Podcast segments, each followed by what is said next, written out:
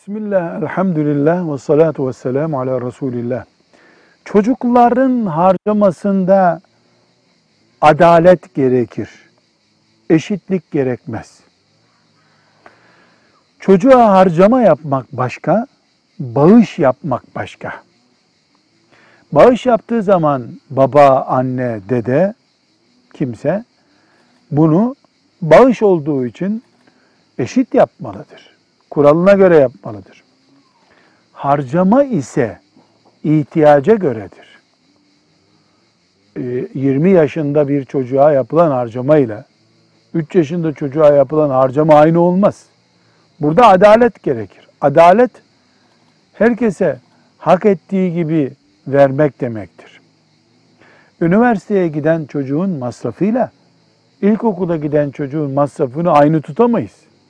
Ama çocuklarımıza bağış yapacağımız zaman zorunlu harcama dışında tarla verecek, daire verecek o zaman çocuklar arasında eşit davranmak gerekir. Velhamdülillahi Rabbil Alemin.